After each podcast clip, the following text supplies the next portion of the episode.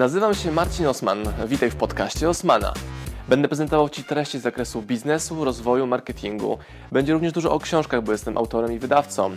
Celem mojego podcastu jest to, żebyś zdobywał praktyczną wiedzę. A zatem słuchaj i działaj. Marcin Osman. No i mamy to, kochani, ostatnie wideo w tym roku, w roku 2019, nagrywane w samochodzie, czyli najszybciej, najłatwiej. Moja główna lekcja z roku 2019 brzmi w następujący sposób. Odróżnianie faktów od opinii. I miałem mnóstwo niezwykle ciekawych sytuacji w tym roku i Wam przytoczę jedną teraz tylko przykład i takie głębsze zrozumienie tej mojej lekcji. E, razem z Kamilą i Osem Power wspaliśmy e, hospicją i zakomunikowaliśmy publicznie, jaka to była kwota. Możesz sobie na Instagramie to odnaleźć, jeśli chcesz.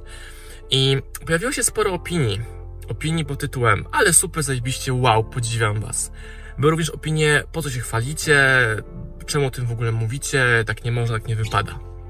I rozmyślałem sobie o tym i nie oceniam tego ani dobrze, ani źle tych komentarzy, tylko zadałem sobie pytanie takie schodzące do głębi, nie? Co jest faktem, co jest opinią? I w tym przypadku jedynym faktem było to, że na koncie fundacji pojawiły się znaczne pieniądze. To nie było 50 zł ani 100 zł. To była większa kwota. I to jest jedyny fakt w całej tej sytuacji. Cała reszta to są opinie, czyli ej, ale jesteście super, to jest opinia. Ej, ale jesteście do dupy, bezczelni, czemu w ogóle tak mówicie publicznie, to jest tylko wyłącznie opinia. Ja chcę w moim życiu opierać się na faktach, nie na opiniach. Inny przykład, działający w drugą stronę. Zobaczyłem akcję marketingową kolegi, pomyślałem sobie, jaka to jest słaba akcja. Ale znowu, to jest moja opinia. I złapałem się na tym, że sam się przywołałem do porządku.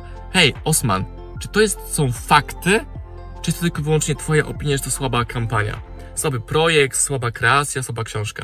To jest tylko i wyłącznie opinia.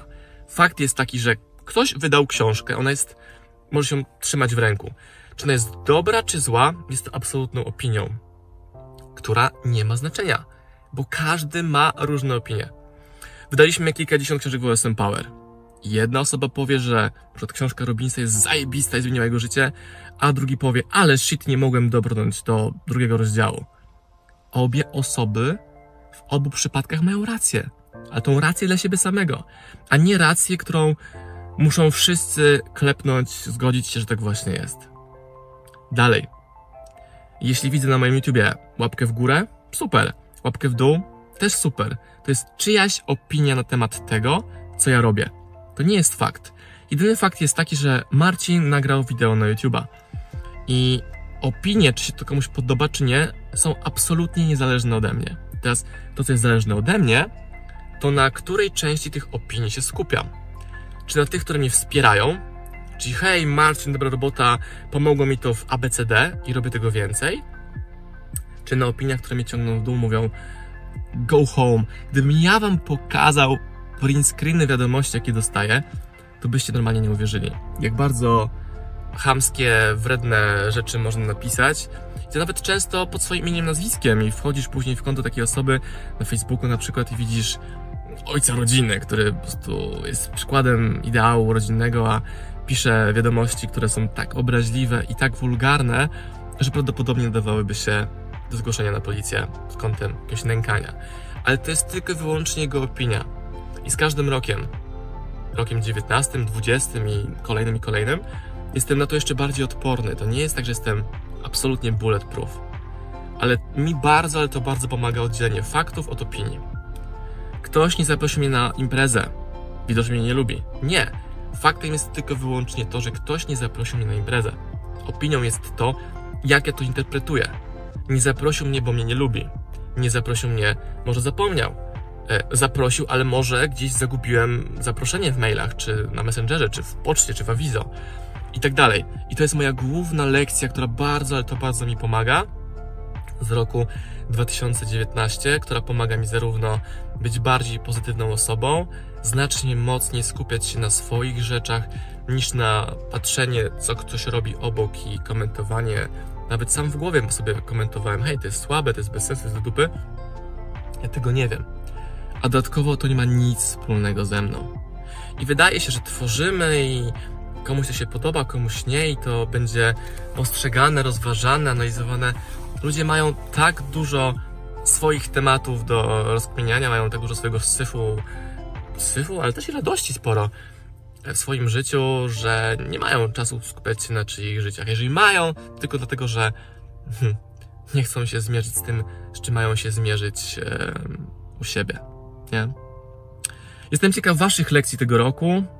Tego roku. Nie chcę, żeby zamykać teraz 30, tam 31 grudnia i jutro jest 1 stycznia i coś się zmieni. Nie, nie. To jest ciągły proces optymalizacji poprawy, optymalizacji poprawy. Mi bardzo pomaga działanie małymi krokami, bardzo szybko, wdrażanie tego. E, nagram też pewnie wkrótce wideo o celach. O tym, że w moim przypadku wyznaczenie celów takich stricte nie działa. Ważniejszy dla mnie jest kierunek i, i codzienne działanie, i codzienne działanie, i codzienne, codzienne działanie. I jeszcze kończąc ten wątek biznesowy, to gdybym ja słuchał opinii ludzi, innych, hurtowo, to byłbym biednym człowiekiem i mentalnie, finansowo. Czyli kosztem słuchania czyichś opinii, które was ściągają w dół, jest to, że po prostu macie mniej pieniędzy. To jest jedna z podstawowych zasad książki Felixa Denisa, Jak zdobyć bogactwo. Jeśli przejmujesz się opinią innych, nigdy nie będziesz bogaty. Ja się z tym w pełni zgadzam. Im mniej jestem zależny od tej opinii, im mniej jej słucham, im mniej jej biorę, im bardziej ona się mnie odbija, bum bum, odbija, tym jest to piękniejsze, bo to działa. Czy pojawia się więcej pieniędzy, więcej okazji, więcej szans i tak dalej. No. E, mam teraz na szybie w samochodzie coś takiego, co się nazywa niewidzialna wycieraczka. To jest taka warstwa płynu, która powoduje, że jak jadę powyżej 50-60 km na godzinę, to mogę w ogóle wycieraczki nie używać, bo jest tak zrobiona śliskość tej szyby, że te krople pod naciskiem powietrza uciekają na dach. Dosłownie uciekają w górę. I tego Wam życzę, żebyście mieli niewidzialną wycieraczkę, która spowoduje, że nawet nie będziecie musieli sięgać po wycieraczkę, żeby odganiać od Was złych ludzi, oni po prostu będą ocierali się o Was i nie będą mieli żadnego punktu przyczepności. I to jest idealna metafora. Nie będą mieli żadnego punktu przyczepności, żeby zatrzymać Was, zniszczyć, zbrudzić. I tego Wam życzę, żebyście byli swoją własną, niewidzialną wycieraczką. Pozdrawiam Was, moi drodzy podcasterzy, słuchacze mojego podcastu. Dziękuję, jestem Wam na maksa wdzięczny za to, że mogę z Wami spędzać czas w podróży, po to, abyście mogli do mnie się uczyć i ja, żebym mógł budować z Wami relacje, będąc w Waszych uszach, Waszych samochodach, Waszych podróżach.